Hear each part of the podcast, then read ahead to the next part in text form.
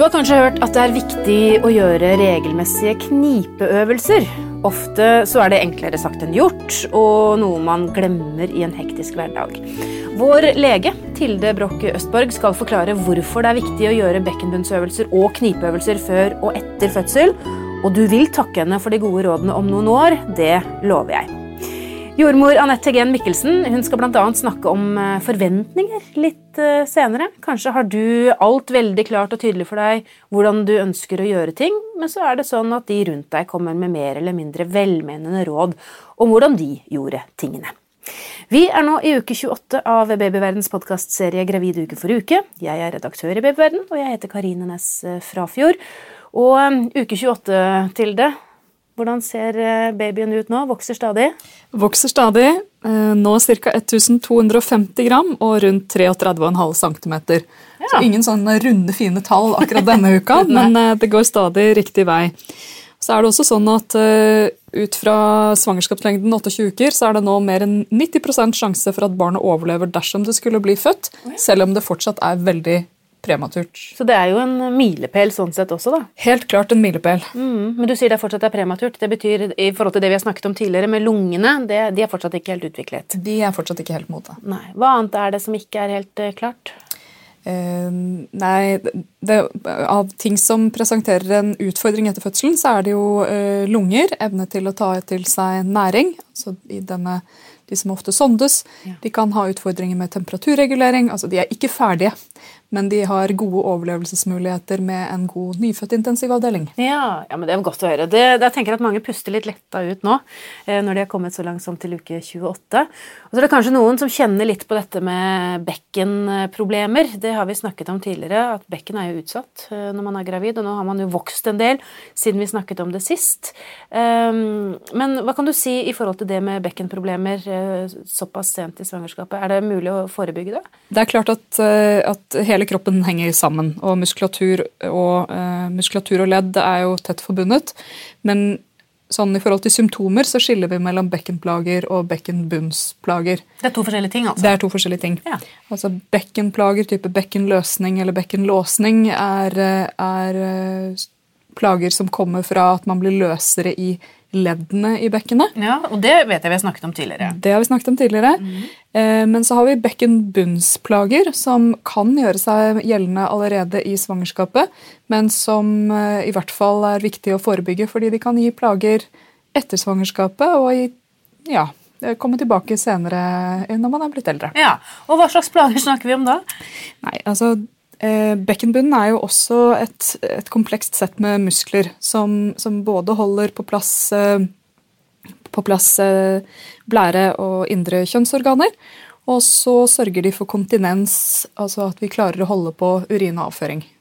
Akkurat. Så nå kommer disse knipeøvelsene inn i bildet. Det er det vi snakker om her. Det er det vi skal frem til. At eh, med den ekstravekten som en nå har i magen, så kan en allerede, eh, noen kvinner, kjenne på at hvis de hoster, nyser eller hopper, at det kommer noe, at det blir vått. Og det er ikke et problem som reduseres, snarere tvert imot. Så det er lurt å begynne allerede nå med bekkenbunnsøvelser og knipping. Men er det rett og slett at muskulaturen blir slappere, eller hva, hva kommer da? Det er en kombinasjon av at den er utsatt for et større stress med at det ligger et eh, barn oppå blæra di. logisk nok, ja. Logisk nok. Ja. Eh, men i tillegg så er, eh, er bindevev i muskulaturen også noe løsere i forbindelse med svangerskapet. Er dette noe som er vanlig? Er det noe alle opplever, eller? Når det gjelder Hvis vi nå skal snakke om på en måte plager som kommer et stykke etter etter svangerskapet, da, så er det sånn at uh, urininkontinens i Norge er et kjempeproblem. Uh, det koster mer for den norske stat enn diabetes. Er det sant? Mm -hmm. Men det er på en måte ikke noe som man snakker så mye om. Og når jeg får kvinner til meg uh, så, som er kommet litt godt opp i alderen, så er det veldig mange som bare har slått seg til ro med at de har en lekkasje. Og det er helt ok, det, for så vidt, men, men det er helt åpenbart at det er veldig utbredt. og noe mange ikke snakker om, eller som begrenser livsutfoldelsen til voksne kvinner. Men Er dette plager som de har hatt helt siden de var gravide? Er det da det begynte? For noen er det det. For noen er det i forbindelse med første graviditet eller fødsel at de har fått eh, plager med urinlekkasje som de kanskje aldri har blitt helt kvitt, ehm, og som kan bli verre da når man blir eldre. Akkurat. Ja, men Det er jo godt å vite, men da holdt jeg på å si at, at, eh, at det finnes hjelp, regner jeg med, men, men, og at det kanskje finnes forebygging også.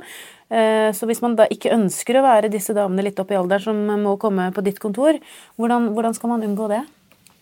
Nei, altså Det er kjempeviktig å si at uh, det er ikke sånn at man alt kan unngås. Så dersom man er Dersom man hører på denne podkasten og ikke er gravid, men kanskje er, er i en uh, høyere aldersgruppe og plages med urinlekkasje, så bør man snakke med legen sin om det, for det finnes, det finnes hjelp å få. Mm.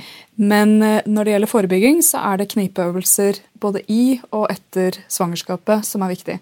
Og jeg vet veldig godt at det ikke er det morsomste man gjør, Eh, eller at, det er, eh, at enkelte syns det er vanskelig å få til og finne tid til. Men dette er en veldig god investering i fremtidig underlivshelse. Akkurat, men man skal begynne mens man er gravid. Hvor tidlig da? Nå er vi jo allerede i uke 28. Er det for sent? På ingen måte for sent, og aldri heller for tidlig. Akkurat. Så man kan begynne nå da, hvis man ikke har gjort det før. Ja. Men da må du fortelle hvordan gjør vi dette? Altså kniping, hva, hvordan, hvordan vet du at du gjør det riktig? Da er det flere nettsider som beskriver treningsprogrammer for knipeøvelser. Og de kan de kanskje legge ut en link til Det kan vi gjøre. på mm. Babyverden, ja. Eh, som beskriver forskjellige treningsprogrammer for det. Og så er det sånn at Hvis man har en etablert urinlekkasje og føler at man ikke liksom får helt tak på bekkenbunnen, altså at man ikke helt klarer å kjenne de musklene man skal knipe i, så går det også an å få hjelp av fysioterapeut. Ja. For det høres jo ut som altså når, man, når, man, skal koble inn en fysioterapeut, så blir det jo plutselig et stort problem, og ikke bare noe man gjør hjemme, tenker jeg, i forhold til de knipeøvelsene man kan ta. Eh, er det mange som syns dette er eh, vanskelig? Um, jeg tror at hvis det blir en avveining av hvor mye de syns det er plagsomt, og hva ja. de velger å kontakte oss for Det er klart at eh, hvis en har god kontroll på blæra, føler at en får til knipeøvelsene, så vil man ikke heller søke noe hjelp. Mm. Men dersom man enten føler at man ikke får til knipeøvelsene øh, og har et lekkasjeproblem, eller at man har et lekkasjeproblem til tross for at man egentlig føler at man får trent ordentlig, så er det nok på tide å snakke med noen. Ja, Men du, du sa jo at man må, kan lese på nettet om disse øvelsene og disse programmene. men Har du en sånn tommelfingerregel på hvor mye, hvor ofte? Øh, skal vi gjøre det resten av livet? Hva er liksom øh, planen? I utgangspunktet så er det disse treningsprogrammene lagt opp sånn at man skal komme i gang med bekkenbunnsøvelser. Man klarer aldri å gjøre det for ofte, kan jeg si, med en gang. Det er, det ingen som, eh, det er neppe noen som har trent for mye bekkenbunn. Og som med all annen muskulatur så er det livslang trening som er den beste, eh, beste treningen. Er det ferskvare dette her også? Det er ferskvare dette også. Ja. Eh, men det er klart at så lenge man er kvinne i fertil alder, altså så lenge man har eh, før eh, menopause, så er disse musklene sterkere i seg selv. Altså de, de, opprettholdes nok noe av vår hormonstatus. Så jo eldre vi blir, jo svakere blir muskulaturen også der. Eh, så man kan aldri helt slutte å trene. I hvert fall ikke hvis man merker at man har noen plager. Så det du sier er at man skal egentlig gjøre det resten av livet? Det er det ene? Så jeg, jeg, tenker at Hvis man ikke har noen problemer med lekkasje overhodet, så er det ingen som kommer til å gidde å gjøre dette. men, men, men, men, det kan jo dukke opp senere? Abs absolutt, det kan dukke opp senere. Så det er aldri noe, noe dumt å gjøre. Men, men jeg tror ikke jeg skal sitte her og pålegge alle kvinner å gjøre knipeøvelser eh, jevnlig. Men for å forebygge, da, er det greit liksom å ha Jeg husker jeg leste en gang at det kan være lurt å gjøre det hvis man eh, f.eks. hvis man tar toget eller trikken til jobb, og man har eh, ti minutter ekstra å gå på, og legger det inn som en sånn liten rutine. At man sitter der og kniper ti ganger, f.eks., eller et eller annet sånt. Det å lage seg egne regler. Det tror jeg er lurt. Og så er det jo, eh, i motsetning til det meste annet av trening, noe du kan drive med uten at noen aner noe som helst. Så, Får du ikke litt sånn rykninger i ansiktene når du kniper? ja, Hvis du på en måte har mye ledsagende ansiktsbevegelser, så er det kanskje greit å la være å gjøre det. Men, men de fleste kan gjøre knipeøvelser egentlig mens de sitter i et møte, mens de sitter på trikken, mens de gjør noe annet. Ja. Så dette kan man gjøre hvor som helst og når som helst, og helt privat. Man, er det noen regler for kan vi si at jeg kniper skikkelig ti ganger, og så er jobben gjort? Eller bør man, vet du noe om hvor mye og hvor hyppig? Hvor mye og hvor hyppig? Ja. Da vil jeg anbefale å kikke på disse treningsprogrammene. Da kikker vi på treningsprogrammene, ja. ja. men Det var god råd. Det viktigste er i hvert fall at man gjør noe, og øh, kanskje enda viktigere at det aldri er for sent å, å, begynne. At man gjør noe. Aldri for sent å begynne. Og hvis man allikevel har problemer med, med urinlekkasje, så syns jeg man skal snakke med fastlegen sin og få en henvisning. Takk skal du ha, lege Tilde Broch Østborg. Etter pausen så skal vi eh, få besøk av jordmor Anette Heggen Mikkelsen og snakke om forventninger.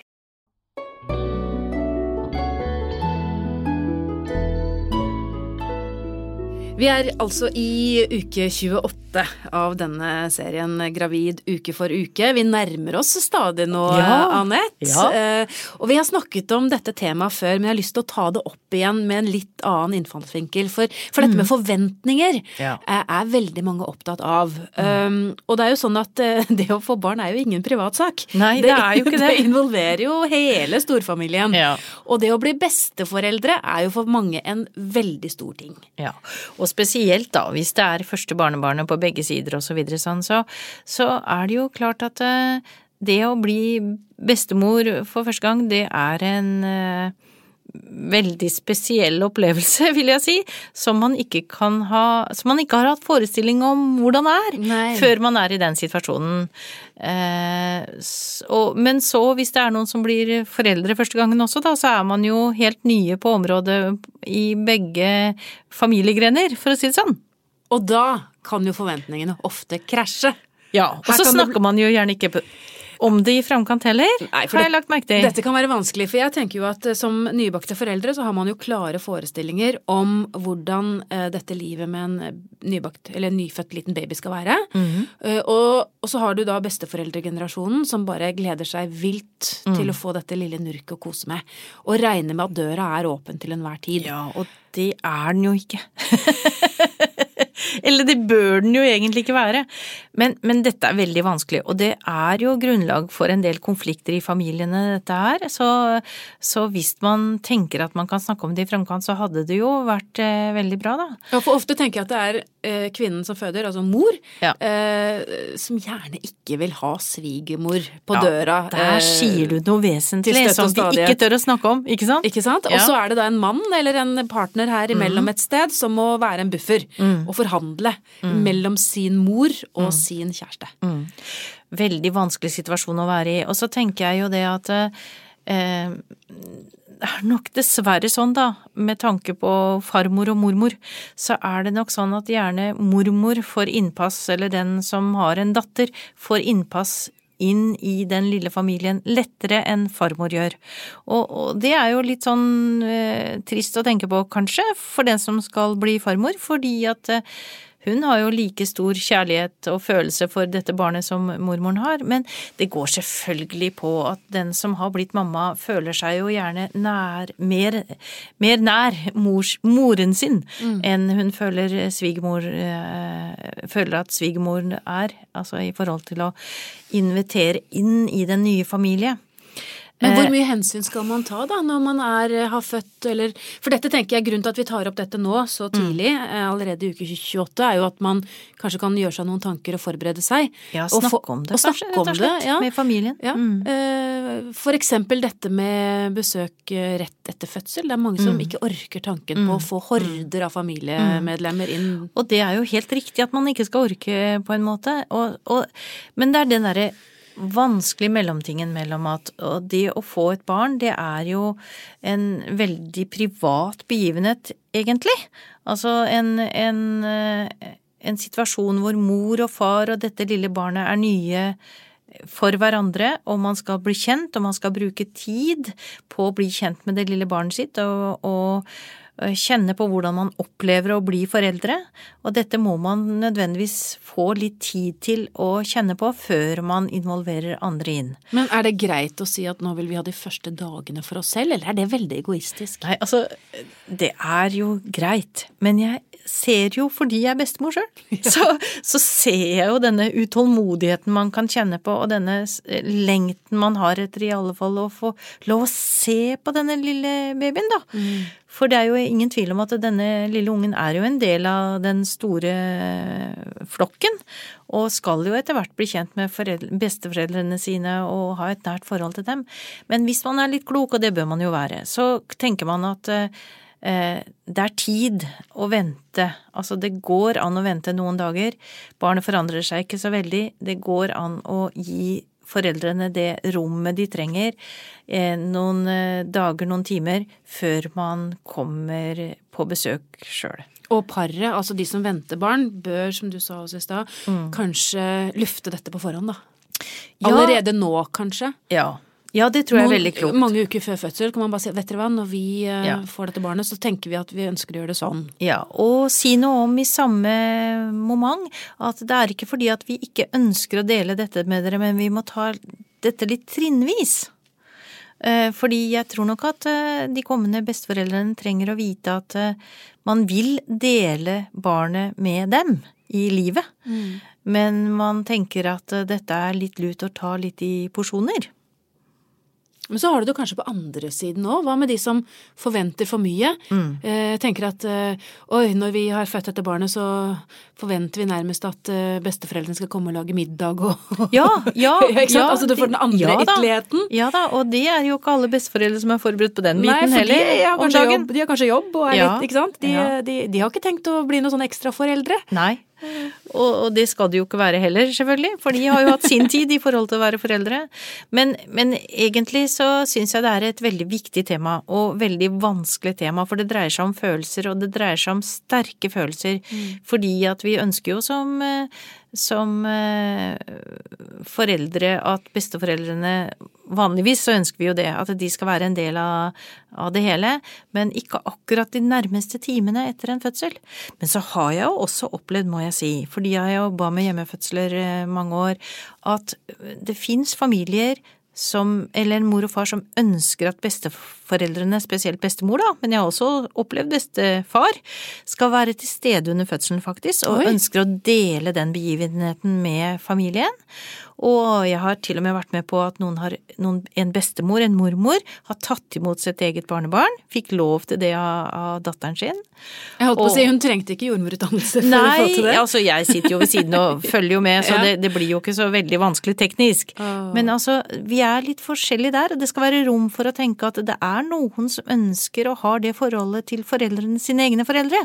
At de ønsker å dele dette på en eh, med en gang, og, på, og har en intimitet i familien og en åpenhet i familiene som bidrar til at man faktisk kan være sammen også i så private settinger. Men da får vi jo håpe at paret, altså den andre parten i paret også deler dette. Det må man dette. snakke om i framkant, ja. Ikke sant?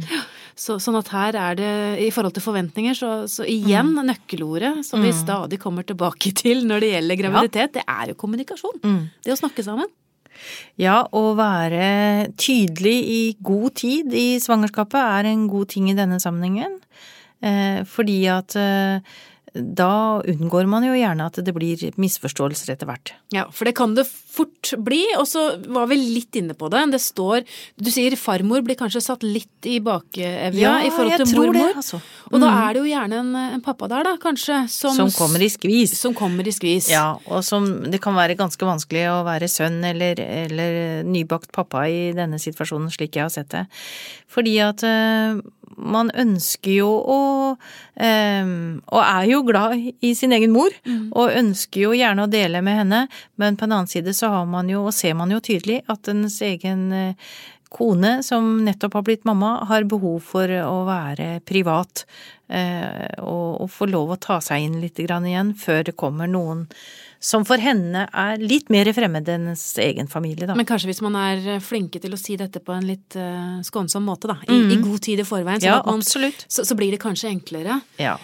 Og så tror jeg man lærer etter hvert, da. Så det er vel kanskje verst den første gangen, men etter hvert så lærer man jo hverandre å kjenne på hva som er eh, ok å gjøre i denne sammenhengen. Så er det jo sånn at eh, vi kommer jo fra ulike kulturer og ulike bakgrunner, og, og, og i noen Noen er jo forventer jo nærmest Ja, at man skal ja. kunne få se barnet med en gang. Ja, noen ganger så syns jeg nesten vi glemmer det litt, at, at eh, man har forskjellige forventninger fra land til land. Eh, Og her i Norge har vi én måte å, å synes at dette skal løses på, mens man eh, mange andre steder i hele verden så syns man vel kanskje at det er en litt spesiell måte at ikke besteforeldre og storfamilien skal få lov til å komme inn til eh, den, eh, den som har fått barn eh, med en gang. Både med mat og gaver og oppmuntring og, og trøst og hjelp og, og Det har vi jo sett på norske sykehus også. Men, at de det er mener så godt, Ja, ja, men, men absolutt. allikevel, så selv om denne kvinnen er fra samme kultur, så kan det jo oppleves invaderende for det. Ja, det tror jeg. Og det er ikke like lett å kanskje gi beskjed. Nei, absolutt ikke. Og så er jo ikke det norske helsevesenet eller sykehusavdelingene, fødeavdelingene, er jo ikke lagt opp til den typen samvær. Så, så det blir en del kulturkrasj rundt sånne situasjoner, har jeg erfart. Ja. Oi, tenker jeg. Det skal ikke være enkelt. Nei. Så, så, vi får bare igjen si at man må kanskje avklare forventningene, som du sa, tidlig. Ja. Begynne å snakke om det gjerne allerede nå. Altså mm. Selv om det er en del uker igjen til fødselen. Prøve liksom å Ja, men tingene blir litt mer ufarliggjort ja. når man snakker om det i tide. At det modnes lite grann. Mm. Og, så, og, så, når man først da kommer til fødselen, så, så, går det forhåpentligvis sånn at alle parter da får en bit av babyen når det passer seg sånn, og, mm. og at alle blir fornøyde. Mm. Ja. Vi, vi, vi, tror jeg konkluderer med det. Ja. Veldig bra. Vi skal uh, snakke om um, halsbrann og sure oppstøt i, i, neste episode av Babyverdens uh, podkastserie Uke for uke. Da har vi kommet fram til uh, uke 29. Helt siden 1964 har vi gitt ut Spedbarnsboken, som alle får gratis på sykehuset etter at du har født. Hvis du vil ha boken før du føder, så kan du bestille den via babyverden.no eller appen vår Gravid og barn. Vi gir også ut fødselsboken digitalt. Den kan medlemmer i Babyverden laste ned fra min side helt gratis.